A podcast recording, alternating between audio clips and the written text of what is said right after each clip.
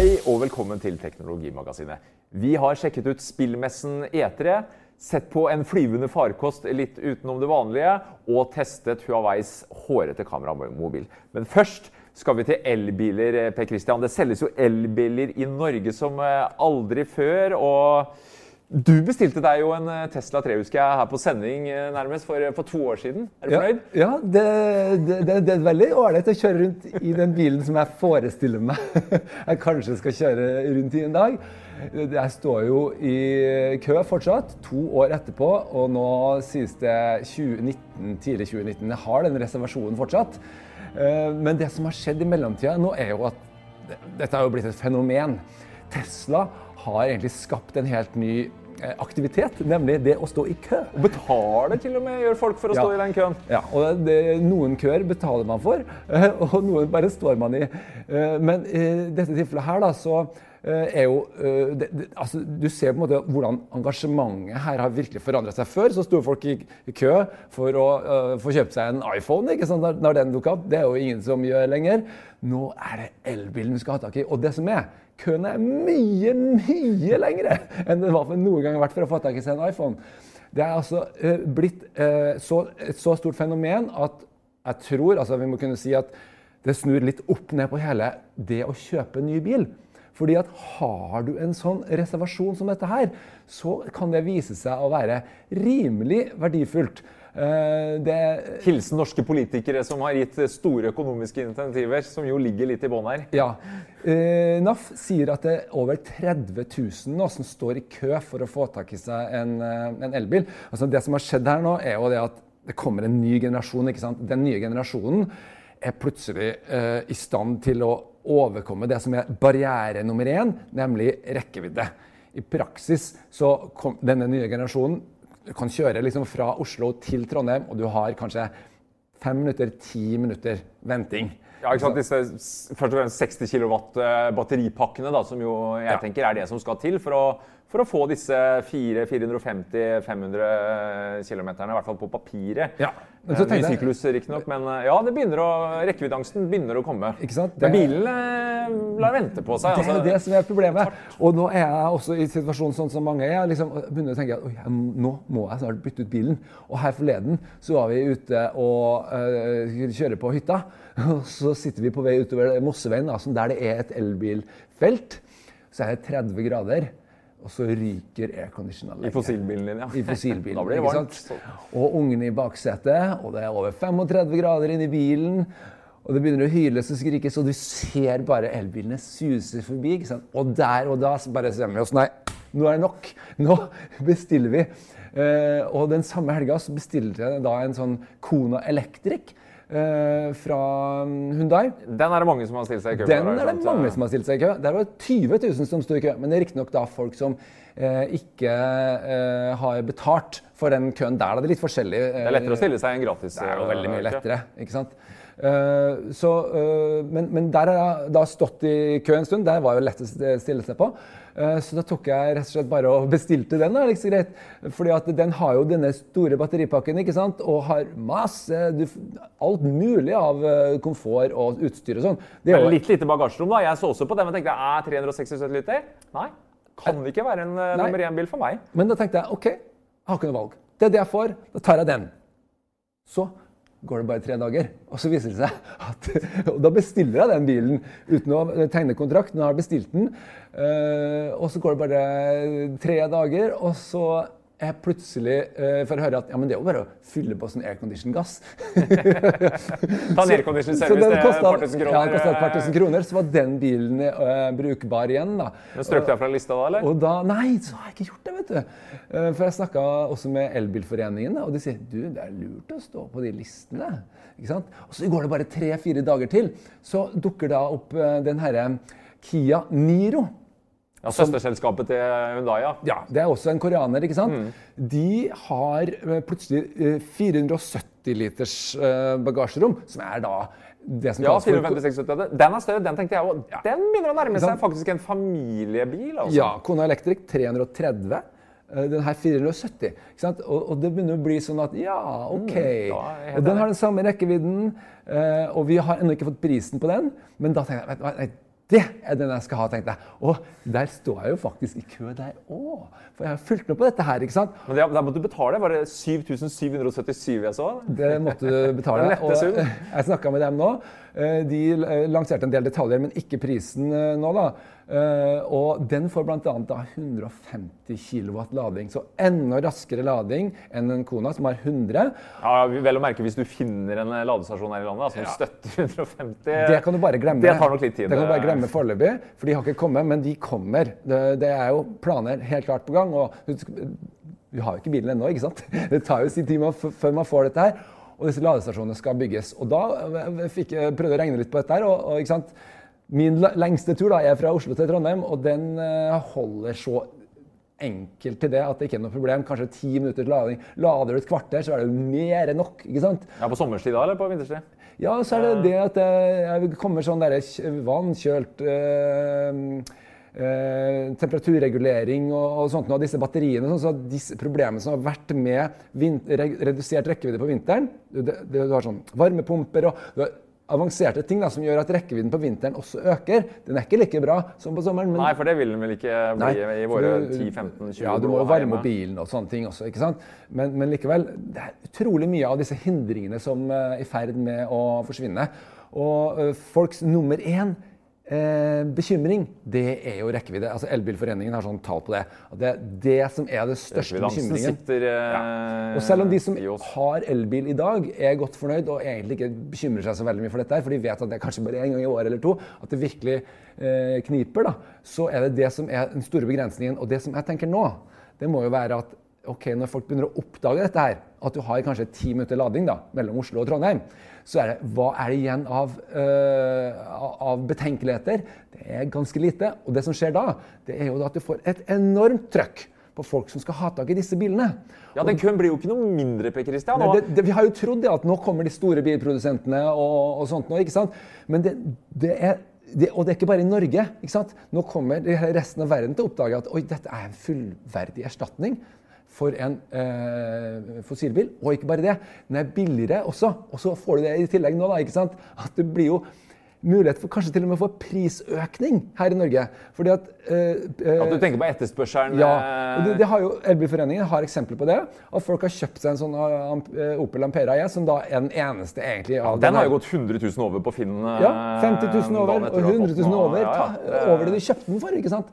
Så risikoen det, Mens før så var det sånn at det å kjøpe en vanlig eller en vanlig, eh, ikke før, men en vanlig bensinbil. Det er jo veldig dårlig økonomi å kjøpe en ny bil og Ja, selge ja, den bil etter er jo ikke en investering, Per Kristian. Det er Jo, bruksgjenstand og verdiavskriving. Den uh... I disse nærmeste årene Inntil, nå, er det, nå er det en tilbudskrise, helt klart. Etterspørselen er større enn tilbudet nå, på, i hvert fall i Norge, på elbil. Og uh, i, i den tida som kommer nå, så kommer det til å være en helt ny situasjon der det kanskje øh, prisen kommer til å holde seg, eller til og med kanskje stige, eller bare synke litt. Det vet man jo aldri på forhånd. Det Nei, for det er jo noen usikkerheter. Jeg tenker på, En ting er hva politikerne eh, velger å gjøre. altså Vi har jo hatt eh, ekstreme intensiver. altså Det har jo ikke registreringsavgift, altså ikke moms. Og nå, nå kommer altså nå ser jo Norske politikere ser jo nå at vi taper jo penger. altså Dette provenyet, hva man drar inn av kroner og øre. De må hente det inn. Nå åpnes det jo for uh, halv bompengeavgift. Vi ser regulering. Du nevnte kø i kollektivfelt. Vi ser jo flere byer hvor det du må være flere i bilen etc. etc. Dette kommer jo til å justere seg. kan jo eh, Ja, det, kommer jo til å falle bort etter hvert som det blir så attraktivt at markedet løser det selv. Det er jo derfor man har disse her eh, insentivene. Det er jo for at man skal hjelpe markedet. Selvsagt, og det har man jo til de grader eh, Men lykkes i. akkurat nå, i de nærmeste årene, hvis du er så heldig å ha en sånn eh, reservasjon, så er det klart at eh, det er ganske gode penger i det. Man kan det. spekulere i det, og det er det kanskje noe som gjør òg. Det er det helt klart. Og jeg vet at f.eks. Tesla ser jo ikke med en sånn eh, blide øyne på det, f.eks. det å omsette eh, reservasjoner, f.eks. Nei, Det er det flere av de som nå sier at nei, det er ikke lov. Altså. Reservasjon den er personlig. Ikke sant? Det er klart Du kan jo cashe ut bilen, Ja. ta med deg den ut av butikken. Og Ja, det vil jo ikke ha så veldig stor betydning, men de fleste vil jo like, hvis de først skal kjøpe seg en ny bil, å kjøpe den fra, fra en bilforhandler. da. Men det å skulle kjøpe seg en ny bil, da, i, i mitt tilfelle så Jeg opplevde jo her nå for noen måneder siden at min eh, gode gamle dieselbil den eh, begynte virkelig å krangle. Og jeg fikk beskjed om at den kan du ikke kjøre videre, men du må gjøre noe med den motoren. og i det hele tatt. Så tenkte jeg jeg trenger ny bil. Og for det første, ja, Jeg hadde vel aldri trodd jeg skulle kjøpe ny bil. Jeg var helt sikker på at jeg skulle abonnere eller lease. Men så tenkte jeg en eh, elbil, det vil jeg jo kanskje ha. Sjekka. Var rett og slett ikke noen familiebiler å få tak i. I hvert fall ikke til en pris jeg syntes var grei. Type en stor Tesla jeg ikke noe lyst på. Eh, og jeg endte da faktisk med å kjøpe meg en eh, brukt dieselbil. Ja. og det er jo, Leser du aviser i dag, så er det ikke snakk om hvor skummelt det er å kjøpe diesel. Eh, jeg så jo fortsatt godt om natta, jeg for seg, jeg. Men det var rett og slett ikke en relevant elbil å få tak i der og da. Nei, og jeg trengte på i løpet av 48 timer. Og det kommer til å være situasjonen. At i en god stund så er det for lite, det for lite produksjonskapasitet. Altså Tesla sier jo nå at de har jo større, eh, alene større produksjonskapasitet på batterier enn hele resten av verden til sammen. Og Tesla er jo ikke noe kjempestor bilfabrikk eh, foreløpig. ikke sant? Nei, Det er jo stort sett eh, LG og Samsung og de som har eh, produsert batterier, og litt Panasonic. Og Vi ser. Volkswagen bygger jo en kjempefabrikk ja. nå. da. De, de, skrur seg om. men det er, tenk deg det, Christian, Den tradisjonelle bilindustrien, her snakker vi store tankskip. altså Det er tungt å snu. Ja, det har brent på dass der lenge, og de gjør jo grep nå. Vi, vi ser jo alle, VAG-gruppen, BMW, ja, stort sett alle, skjønner jo hvem i retning det går, men det tar tid å snu. Tenk deg det fabrikker som lager girkasser, brenselmotorer altså Det er en enorm snuoperasjon. Ja. så det vil nok, som du sier, vil nok være en tid uh, fortsatt enda hvor det vil være antageligvis uh, større etterspørsel enn tilbud også på batterier. Mm. Jeg tror i hvert fall de som setter seg på en venteliste nå for å stå i kø, ikke tar så veldig stor risiko eh, med å ta ut den bilen når de nå en gang får den. Så for det blir spennende å se når eh, jeg får én av mine tre som mest alle står i venteliste på, eh, hva som dukker opp først. Ja, og, og, hva skjer med europeerne og resten av verden? Mener, for det er litt lett å glemme. Kristian. Vi, vi lever jo i en liten elbilboble. Jeg så f.eks. på salgstallet. altså I Europa i april ble det solgt 1,3 millioner eh, personbiler. Og vet du hvor mange av de som var rene elbiler? 1 13 000 biler. Og av de så var nesten en tredjedel solgt i Norge. Ja. Altså, så det er jo et eller annet med de store markedene. Tyskland, Frankrike, England. Eh, Kina det er vel eh, også et, eh, altså ved siden av Norge, men der har regjeringa eller politikerne gått inn med subsidier masse. Men det er klart, hva skjer når tyskeren, franskmann, spanjolen vi kan jo risikere kø kanskje i flere år. Hva vet jeg? Ja, og til og med så kan det vise seg at Norge ikke er særlig høyt prioritert der. En av de tingene som slår inn, er det at EU e har CO2-reguleringer som bilprodusentene må oppfylle. Derfor så sender de biler til Tyskland og, og selger dem der. Og det er f.eks. sånn at den norske mm, Kia-importøren har solgt 600 Kia Soul.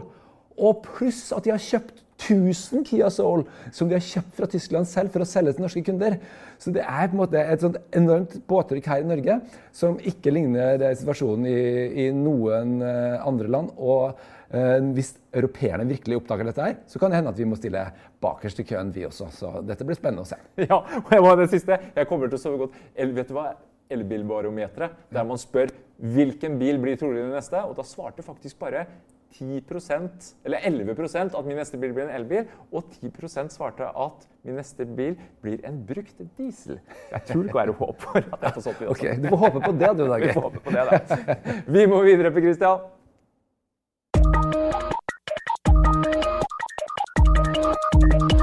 Den store spillmessen E3 eh, e så ble det kjent at Fortnite, som nå har fått 125 millioner brukere, og det er bare på et år, også blir tilgjengelig på Nintendo Switch. og Det er visstnok to millioner som har lasta ned allerede nå første døgnet. Men det ble litt eh, PlayStation-backlash eh, her for Fortnite-folket. Ja, fordi at eh, PlayStation er jo den største plattformen. Og folk bygger seg opp med kontoen sin. ikke sant? Og så er mange av PlayStation-folket har jo da i denne tida her skaffa seg en Switch også. Og så får de den nyheten om at oi, vi kan bare laste ned. De laster ned. Det er gratis, ikke sant? Eh, og da to millioner gjør det, så oppdager de Oi, de er blokkert. De kan ikke bruke kan ikke, kontoen sin de har på PlayStation 4. De kan ikke nei, fortsette der de var. Det er ikke pga. utvikleren Epic, men pga. at PlayStation sier nei. Og kanskje også Nintendo. Det vet vi ikke. Men det er PlayStation, PlayStation som, får problemet. fordi at uh, det er uh, da et krav om at du må begynne helt på bunnen av hvis du skal spille på Switch. Ja, Hvem vil nå det, da? Ja, Mens det er andre plattformer, så, så, så, så har man da såkalt cross, eller kryssplattformspill. Uh, sånn som på PC og, og mellom konsoller og, og, sånne ting. Men altså, mellom konsollene så har det vært et problem. mens Xbox, da, som sier å være åpne for dette, her, har virkelig gorsa seg på Twitter og invitert ja, kom og bli med og spill med oss. Her går det fint. Vi deler alt sammen. Uh, Interessant hvordan Fortnite, altså Battle Royale-spill, har blitt så Ja, det har blitt kjempepopulært. Altså, en enorm suksess. Og sikkert den største nyheten for mange uh, fra hele E3 var jo nettopp at Fortnite kom på Switch nå, da. Men du som er en langt større spilleentusiast enn det jeg er, du har jo selvfølgelig titta på både pressekonferansen her nede Jeg har sett på mange mange timer alle disse pressekonferansene og gått gjennom alt materialet som kommer. Det er jo den eh, største eh, liksom, eventen i året i spillverdenen. Og det er jo alltid morsomt å se da, på en måte, de tre store konsollleverandørene, liksom, hvordan de gjør det i forhold til hverandre. Og det var jo eh, Xbox som starta som vanlig men eh, de, altså, de er jo underdogen nå. ikke sant? Switch eh, og Nintendo de er kjempesuksess. De kommer til å klare seg. Uh, uh, Xbox ligger sist. Og de er store problemet er at de mangler eksklusive titler. Det de gjør, de kjøper opp fem nye studioer. Rett og slett kjøper seg ja, De kjøper seg egne titler. De, så de, det betyr at de har skjønt det. Men det de viste, var veldig magert. De viser egentlig bare det samme som de alltid har gjort. De viser eh, Forsa-bilspill, og så er det et nytt Gears-spill, eh, altså Gears of War-serien. Og så er det eh, selvfølgelig Halo, da, som kommer i en ny utgave. Men alt dette her har vi liksom gjort mange mange ganger før. Veldig lite nytt og spennende. Så det, de, de, klarer ikke foreløpig da, å vise noe som virkelig tar av. Men enda verre gikk det jo med Nintendo, som vi må si får prisen for den slappeste pressekonferansen. De hadde jo egentlig bare ett spill, eh, som er Yoshi, som er liksom den, den kanskje største nye eh, tittelen, den eh, ble da utsatt til neste år. Klarer ikke engang å dra i land den ene? Nei. Så har de da sin, ja, sin store tittel før jul, da, som er Super Smash eh, for, eh, for, Switch. Brukte de liksom 25 minutter på å fortelle alle detaljene om hver minste lille fighter og sånn, øh, hva de gjør. Ja, det er et morsomt spill. Åpenbart en mangel av noe nytt. Det er veldig, veldig, veldig tynt. Og nesten litt sånn urovekkende. fordi Switch har til nå hatt helt fantastiske spill. Altså Det er noen sånn helt utrolig klassiske ting. Så første år var det liksom Zelda, ikke sant? og så var det Super Mario. Mario. Og det er flere andre ting, også Donkey Kong, som har kommet noe tidligere i vår. Kjempebra spill, som de har tatt med videre fra Wii U. Men dette holder ikke riktig ennå, altså sånn som det er nå. Nå må man få opp farta litt. Man kan ikke bare forvente at det skal bare liksom vokse inn i himmelen. Men hva med Labopp? Kristian? Vi hadde jo med oss det i studio her for noen sendinger siden. og Sa den jo om det? Kommer det noe nytt der? Åpner de for tredjeparter? Ingenting, ingenting, nytt om det. Nå, er Sony, nei, nå er Nintendo litt sånn til å spare på mye ting som de slipper like før, før det, kommer. Sånn at, ja, de, samler, de, samler ikke alt til E3 lenger. så vi skal ikke legge altfor mye i dette her. Men i hvert fall, hvis man sammenligner disse tre, så var de helt klart sist. Hvem er det som imponerte mest? da? Altså, det var helt klart uh, den utskjelte Sony og, og, PlayStation 4, som uh, hadde en, virkelig en uh, serie av gode ting. Ikke bare eksklusive ting, men, men virkelig flotte titler. Og aller best var nok egentlig Last of Us. part 2 som hadde noen animasjoner eh, som var helt fantastiske. Vi har sett litt fra spillet tidligere. Nå får du eh, se eh, eh, eh mer av liksom denne historien med denne Ellie. Det var et lesbisk, noe så sjelden som et kyss i et spill, som wow. har skapt, skapt eh, mye oppmerksomhet. Men det er animasjoner som virkelig viser at her er det skuespill på høyt nivå. Eh, som virkelig kan måle seg med historiefortelling fra Hollywood. Og selve spillet viser en virkelig sånn mulighet til innlevelse. Men det er jo det er et slåssespill som Ok, det er variert og sånn, men det er, det er, utrolig mye gore og uh, blod og grasa hele veien. Og jeg blir litt sånn matt. Jeg syns at Last of Us den forrige var liksom Ja, det var bra historie, men egentlig bare et slåssespill. Så derfor så tenkte jeg hvis vi skal kåre det aller beste fra E3 som, av de som jeg har sett, så må det bli Cyberpunk 2077. Det er det beste spillet. Ja. Som fås på hvilke plattformer da? Getting engaged is a moment worth cherishing. A one of a kind ring that you design at Blue Nile can help your love sparkle. Just choose your diamond and setting. When you've found the one, you'll get it delivered right to your door. Finding the right engagement ring can be nerve wracking. At Blue Nile, you'll have the expert guidance needed and a diamond guarantee that ensures you're getting the highest quality at the best price. Cherish all of life's moments and save up to 30% at BlueNile.com. That's BlueNile.com.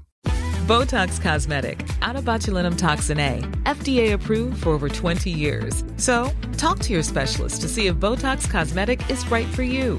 For full prescribing information, including boxed warning, visit BotoxCosmetic.com or call 877-351-0300. Remember to ask for Botox Cosmetic by name. To see for yourself and learn more, visit BotoxCosmetic.com. That's BotoxCosmetic.com.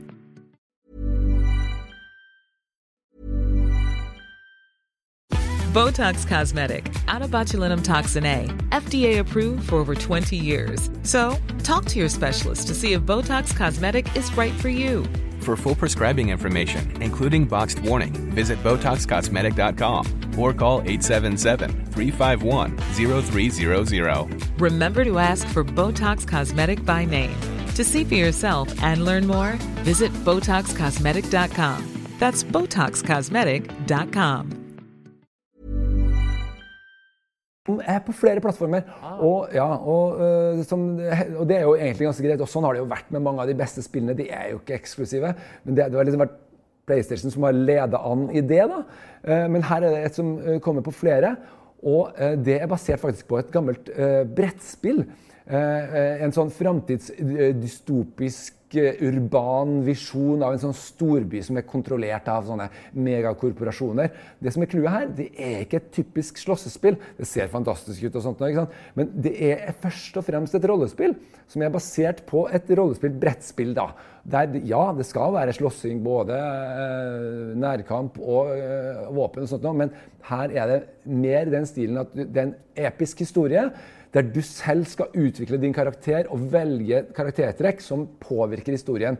Og Grunnen til at jeg har så stor tro på det, er at det ser bra ut, for så vidt, men det er også det at det, de som står bak, er CD Project Red, som lagde Witcher 3, som er et fantastisk stort, episk spill.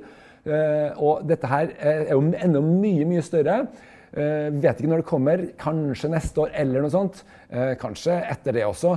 Eh, men i hvert fall, det eh, gir meg litt sånn tro på at ok, spillmediet klarer fortsatt å fortelle de gode, store historiene. Ja.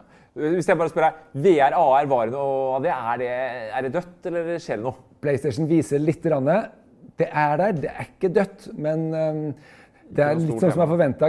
Du, de selger kanskje en million eller to eller noe sånt noe av disse her eh, foreløpig. Eh, og da snakker jeg om hele PlayStation VR. Eh, det er liksom den typen størrelsesorden vi er. da. Jeg vet ikke akkurat hva tallene er, men det, det er smått. ikke sant? Og det er fordi at det er problemer knyttet til det fortsatt. Så vi må nok vente en generasjon til før dette her blir stort og, og virkelig trekker på oppmerksomheten. Det er kanskje Fortnite på VR som må til for å få det toget Det kan være. Vi må videre, Per Christian.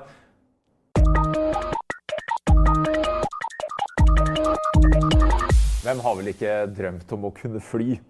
Eh, denne uken så ble det vist fram eh, Per Christian, en, en, en farkost, en flyvende sådan av den litt merkelige sorten, altså Kitty Hawk. Et, eh, egentlig et veldig spennende eh, firma, vil jeg si, med Alphabet, Google, Larry Page eh, han, Er det Sebastian Troon han heter? Ja, litt interessant akkurat han her, fordi at han var jo den som vant DARPA Grand Challenge. To DARPA-trofeer i beltet, tror jeg faktisk. Ja, det er i hvert fall eh, en av de som var ledende med utvikling av selvkjørende biler. og som har Han jobba jo i Google, ikke sant? Og Ja. jo, så, sånn sett så er det, tenker jeg skikkelig skikkelig autoritet. Men dette her er, tenker jeg, dette her er eh, hva sier du for noe? Det er sånn fritidsfarkost. Altså, de har tydeligvis skreddersydd dette her for å funke i forhold til det regelverket i USA. Da. Du kan ikke fly høyere enn ti fot, altså ca. tre meter.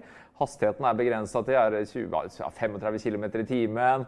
Eh, de, de, sier ikke altså, Det ser ganske modent ut i forhold til hva de visste fram for et år siden. Og De har ikke sagt noe om pris og lansering, men uh, at dette her er uh, kanskje noe for amusement parks, eller i hvert fall sånne rik, rikinger på et eller annet sted som skal slappe av, suse over vannet, da, som vi ser her. Hele clouet her er jo at du skal kunne fly selv uten opplæring, eller med en time, da, som de sier. Ja, Som minutes. Uh, ja. To spaker du skal kunne sitte og styre i. Men du, du, det er jo egentlig bare at du svever litt over vannet. Jeg føler at jeg blir ikke helt sånn heltent at dette må jeg få til. Eh, du kan bare rett og slett sveve litt rundt omkring på et vann. Det er det som eh, skjer. Eller kanskje over eh, sjøen. Men at det kommer til å bli en greie på sånne fornøyelsesparker og Disneyland og den typen ting Det kan det, det kanskje bli. Ja, det kan det fort bli. Men det er jo ikke det det handler om, tenker jeg. Da. For uh, Hvis du ser Kitty Hawk, uh, selskapet bak, så, så, er jo de en av mange nå som uh, i hvert fall et par titalls firmaer som satser på dette her med altså, flygende taxier. Altså, vi ser hvordan flere ønsker å revolusjonere måten hvordan vi transporterer oss i, i storbyer på. Og her er det alt fra Uber, Lyft, vi har Airbus og co. Mange store selskaper. Eh, ja, mye flinke folk. Og men, Kitty eh, Hawk er jo blant de som har kommet lengst egentlig på det feltet. Har et samarbeid eh, på New Zealand Eh, om å eh, sette i gang deres prosjekt som heter Kora der. da. Og Det som er viktig å merke seg, det er jo det, det, er det vi egentlig snakker om. Ikke sant, Det er jo Kora-prosjektet som er eh, Fordi det kan fly på vinger i stedet for bare å fly på disse mm, batteridrevne rotorene på, som vi kjenner fra droner. Så har du mer vinger som gjør at du kan fly fort. Ja, altså Det er altså bare, det er altså det V-tool som vi har snakka en del om før. Vertical takeoff and landing. Ja. og Det er jo det vi ser de konseptet stort sett dreier seg om. ikke sant? Du har helikopter opp og ned, eh, kombinert da med vinger, som du sier, som gjør at du kan få litt eh, fart. Men suse rundt i byer, da, Per Christian, det er jo mange som er, og vi uh, også inkludert, har vært litt kritiske til dette her. Én ting er støy, andre peker på batterikapasitet, for dette er jo stort sett elektriske uh, fartøy. ikke sant? Ja. det, er ikke, det er tungt å løfte. Det er nå én ting at batterikapasiteten kanskje ikke er god nok, eller tyngde, men, men, sikkerhet, regulering Ser vi for oss et luftrom i en by med susende Og da til og med For det er ofte snakk om autonome prosjekter. dette her, altså det ja. selvkjørende. Kora er jo helt uh, selvkjørende. Du skal ha plass til to passasjerer og ingen pilot uh, som skal gå i taxi på Ja, Samme som Wayana til Airbus. Uh, ja. To personer selvflyvende. Mange som jobber med den planen, og Uber har også, flere andre har liksom den planen. Kanskje i starten kanskje med en pilot, og så etter hvert uten. er liksom det som er planen. Ja, det er ikke piloter nok? Nei, men jeg tror at Det som er begrensningen her, er verken pilotene eller teknikken. Det er det rent praktiske. Og det som trengs av park, eh, eh, altså, te, eh, Landingsplattform, eller, ja, landingsplattform, eller hva det nå er. Det, dette krever plass. Det, det, lager støy. Det er ikke løst, særlig i en bysetting. Når det kommer ut på landsbygda, så kan nok dette bli kjempeattraktivt. For ikke snakke om i norske sammenhenger over en fjord, f.eks., der man har dårlig kommunikasjon og sånn. Og det er ikke tilfeldig at uh, akkurat New Zealand uh, har, ser et behov der, der du har litt sånn lignende geografi. da. Så ja, uh, men ja. Jeg er litt skeptisk skeptisk til å være selvflyvende nå. Altså, en ting er liksom selvkjørende biler, som vi vet er komplekst nok, men det er tross alt et allerede etablert eh, infrastruktur. på en måte, Mens ja. opp, i, lufta her Og det var jo som han, eh, en av gutta bak Wayana sa, altså det som kunne klare å skape autonome systemer. altså Alt fra å kunne avoid, altså unngå å kjøre i andre flyvende taxier. og, og som Luftfartstilsynet her hjemme sier, at uh, disse produsentene de må jo overbevise oss om at det er trygt nok. Ja. Men interessant, det driver man faktisk nå skal, ser man på, prøver å få til en felleseuropeisk standard da, når det gjelder dette. her, at ok, eh, Oppfyller du denne standarden, så, så fly i vei. og Man regner faktisk med at en standard, eh, det er to faser, én i 2021 og én i 2023. men Eh, så Sånn sett så er det nok en eh, del ting på plass, eller kan tenkes å være på plass. Men jeg føler at det gjenstår mye. Det er kanskje vel så interessant. Altså, man snakker om tredimensjonal eh, transport. Eh, ja, for... Vi har jo en, eh, en annen kar, altså, tenk på Elon Musk, som jo mener at vi må ned i bakken isteden. Ja, det er jo ikke lenge siden vi var innom hans prosjekt uh, Boring Company. Og vi kan jo også da nevne at det gikk jo bare liksom et par uker, og så har han allerede nå denne uka her fått en avtale der han har fått lov til å bygge en tunnel fra O'Hare Eh, i Chicago, flyplassen, og inn til sentrum. Han Har fått en kunde, rett og slett? Altså, rett og slett, og det er bare sett i gang. Og det, eh, forretningsmodellen er ganske interessant. Da sier de rett og slett det, at um, byen skal betale null kroner for den tunnelen. Og eh, den, skal transportere eh, publikum da, fra eh, flyplassen. Det tar 40 minutter med T-banen i dag. Jeg har selv tatt en T-bane som er helt elendig. Og det skal gå på 12 minutter. Men da skal også Elon Musk ha alle inntektene. Og han ser det rett og slett som et kommersielt eh, eh, interessant prosjekt. Det gjenstår i aller høyeste grad. Ja, Vi har snakket om det med økonomien i prosjektet før. Og, Men, men, litt men det er en avtale, og det er altså noe helt annet enn en disse her eh, eh, dronene og selvflyvende farkostene som gjenstår å se om vi i hvert fall blir, blir særlig å se av i urbane strøk, syns jeg. Så du holder faktisk en knapp på at vi kommer til å transportere oss i, i, i rør, eller for ikke å si tunneler under bakken, enn selvflyvende taxier. Gjør det. Ja, jeg kan jo være litt tilbøyelig til å være enig der. Eh, Men det høres jo altså, Det å fly, det er jo morsomt da, Per Kristian. Vi går videre.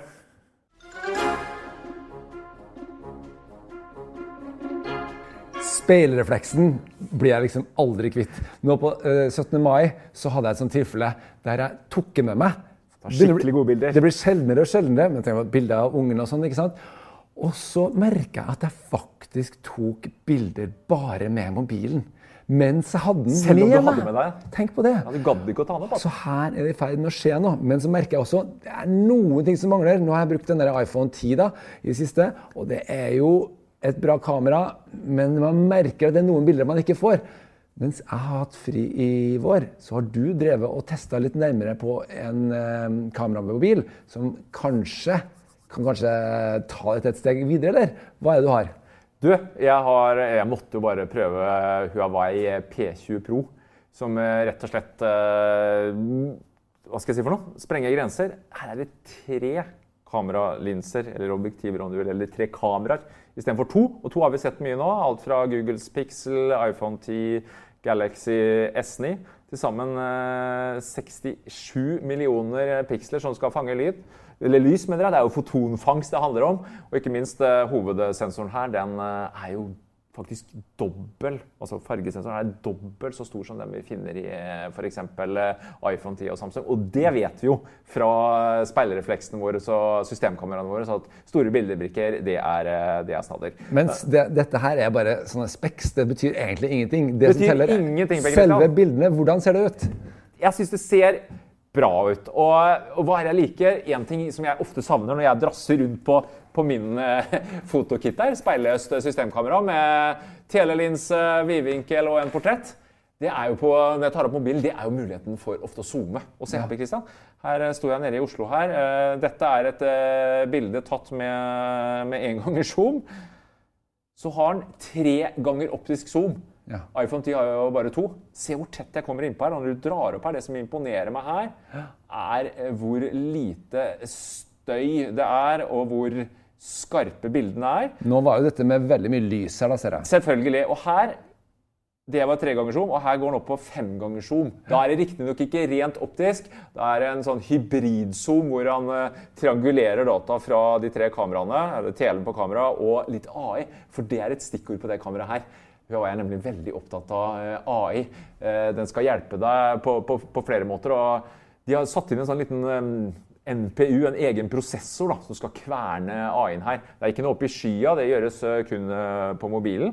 Og Litt slitsomt til tider, det må jeg innrømme. for den, Når du driver og tar bilder, den, den gjetter hva slags altså, Her er du i parken, her er det en blomst. Og det funker stort sett. På fotballbaner har jeg merket at å, blå himmel der, grønt gress der. Da gikk en litt i frø. og jeg drev og slo av og så sa til meg du, du vet at du kan slå av AI. Og ja, da Det kan du heldigvis eh, gjøre i eh, menyen her. Men ender du opp med å skru det av ofte, eller? Jeg ender opp med å, å skru det av eh, ganske ofte. Men det jeg ender opp med å bruke den del på, det, er altså, det er redigeringa. For eh, når du først har tatt bildet, Ja. så kan du egentlig gjøre ganske mye snadder. Og det jeg hadde tenkt å gjøre nå, Per Kristian, jeg hadde tenkt til å gjøre deg vakker. Det høres jo bra ut. Det er faktisk et redigeringsmodus som det heter det her nå. Nå tenkte jeg skulle prøve å ta et uh, Altså, du er jo veldig vakker. Jeg må liksom gjøre mitt beste nå. ikke sant? Portrettmodus her. Eh, Hvis du smiler litt nå, for jeg vil gjerne ha med tennene dine, skal jeg vise deg etterpå hvorfor. Der. Bildet gjøres skarpere. Hold enheten i ro. Ja, ja. Skal vi se om vi får fram uh, der, ja. bildet på skjermen her nå. Jepp. Ja, skal vi se på redigering eh, Nå roter jeg litt her nå. Skal vi se. Rediger. Jo. Eh, her har du da selvfølgelig beskjæring, ulike filtre, diverse. Men det er spesielt den gjør vakker som Gjør vakker, kanskje skiller litt fra skjer da? konkurrentene. Jo, da dukker det opp en eh, rekke funksjoner her, bl.a. Uh, glatt. Kan du glatte ut huden din, ser du? Ja, det ser jeg, ja. Yes. ja. Uh, det må sies at det, det er faktisk et litt problem. Jeg har tatt en del portrettbilder, og innimellom så syns jeg han glatter ut eh, litt mye på egen hånd, men her kan man jo velge sjøl. Så er det en annen eh, variant her som heter smalt ansikt. Og ja, det er kanskje litt bismak på den, vi, på en måte. Ser du ansiktet ditt nå? Den, Jeg vet ikke om det funka så bra. Så generelt så syns jeg jo at disse her har en tendens altså Dette er noe som er veldig vanlig i eh, asiatiske mobilprodusenter. Eh, De har en tendens til å trykke på altfor mye av det her, eh, sånn at det ser det ser jo ikke noe bra ut. Altså, Er dette her noe som du egentlig bruker? Er Nei, altså, jeg, jeg har tatt meg i å bruke den hvite tenner, da. Hvis du ser på tennene nå. Uh... Ja, ja, det skinner litt mer, ja. Skinner litt mer hvis du vil ha et Ja, skikkelig ja, Colgate-glis. Men som sagt, det viktigste for meg er at bildene ser bra ut. Du kan ta råformat her, eh, for de som er interessert i det. Eh, Det kan jo være greit. Så kan man eh, redigere så mye man vil hjemme. Men så sa, sa du også det at det eh, som har fått mest eh, interesse for denne telefonen, er jo eh, det med lite lys. Lite lys. altså den har, Det må vi også prøve. Jeg tenkte bare skulle nevne at uh, Du kan ta opp det er jo 40 megapiksler. Litt som det gamle Nokia 1020-kameraet. Uh, det som er synd, er at hvis du bruker uh, 40, så forsvinner zoomen. Så i praksis så bruker jeg 10 megapiksler. Men det holder i grunnen lenge. Eh, nattmodus, det er da Og den har vært mye hype rundt den. Og jeg må si jeg har tatt en del bilder hjemme. Stått eh, litt nattbilder fra verandaen utover by. Imponerende. Litt støy, eh, det blir det. Eh, skal vi se her nå, Da går jeg inn på det som heter eh, mer her, og nattbilde, som da er en egen modus. Nå er det ikke akkurat natt i studio her, men vi kan rope på produsenten vår. Pål, kan ikke du slå ned lyset litt her nå? Og alle som har tatt bilder med en mobil i dårlig lys, vet jo hvor kjipe bilder det blir nå. Nå er, nå er det mørkt her, altså. Nå er det ganske mørkt. Og så ansiktet her, zoomer. Og nå ser du han jobber. Han har opptak da prøver Ikke blunke, ikke snakke. Yes. Fra tre til seks sekunder bruker han. Og så skal vi se på resultatet. Her har vi Per Christian. Ja, det, det, det, det blir faktisk et bilde. Altså. Det jo- blir et bilde, Det, det- litt rufsete, men det er jo imponerende. Det er faktisk veldig lite lys. Det er faktisk veldig lite lys. Ja. Og ja, og det som er overraskende, er at du ser veldig lite støy, egentlig. Du Ja. ser bare at det er litt dust. Eh, Jeg tror at Huawei her åpenbart har valgt å legge på altså, støykorrigering Ja. istedenfor at du får den der støyen som hadde f.eks. med iPhone 10. Ja. Samme lys, bare støy. ikke sant? Ja, ja. Du ser sensoren jobber med å fange lys, og så blir det masse støy. Uh, litt, litt barnerumpe. Det blir jo veldig, veldig dust. Det legger seg på det filteret her. Kan gjøre litt i, litt i post, men jeg har tatt meg i det mange ganger. Uh, og jeg har en uh, veldig lysfølsom uh, vidvinkel på uh, speilløse uh, Olympus-kameraet mitt. men den her er bedre, altså, og den er god. Uh, Men beveger du deg, så blir det det samme som hvis du for eksempel har fem sekunders slokketid da, på et kamera. Så vil du få blør. Så nå satt jo du stille, så et motiv i bevegelse funker ikke. Men samtidig, hva er det du tar kveldsbilder av? Det er jo gjerne kanskje først og fremst motiver som står stille. For Det som ofte er problemet spesielt, synes jeg, er, eh, når det er lite lyst, er jo video. Og det har jeg hatt nettopp hatt i sånne tilfeller på sånn type skoleavslutning, der du sitter litt for langt unna. Og summen av dårlig lys og zoom blir sånn at det blir ikke til å se på. Eh, hvordan eh, slår det ut her? Nei, altså Når det gjelder video på den telefonen, her, så det, det funker ikke så bra i mørket. Altså, du får ikke den samme effekten som du får på stillbildet. Men kanskje det største problemet med video Ja, du kan filme 4K-video. Selvfølgelig. De fleste har jo det i dag. Men da funker ikke den eh, optiske bildestabilisatoren. Og den funker heller ikke hvis du kjører 1080 P60, eh, som f.eks. du kan gjøre på en iPhone. Og jeg må si, Har du først venta til 60 bilder i sekundet istedenfor 30, så, så vil jeg gjerne ha det. Da funker ikke den optiske bildestabilisatoren. Først på 1080-30 at du har den. Og ja, den fungerer bra når den funker, men jeg syns det er et stort minus at ikke bildestabilisatoren er med oss hele veien opp på 4K. Og jeg stusser litt på at eh, den har fått så god score på video, bl.a. på Dix og Mark pga. det. Altså for det, I min verden så er det et uh, kjempeminus. Men ok, vil du anbefale eller vil du ikke? Hva syns du egentlig om dette? her? Er det noe som kan erstatte mitt uh, spilleflex? Om ikke erstatte speilrefleksen helt ut, så ja, jeg vil anbefale hvis du er på jakt etter en toppmobil som tar gode bilder og har zoom og funker i mørket, så ja, jeg anbefaler den. Bra. Da eh, får vi vurdere det i hvert fall til neste gang. Takk for i dag.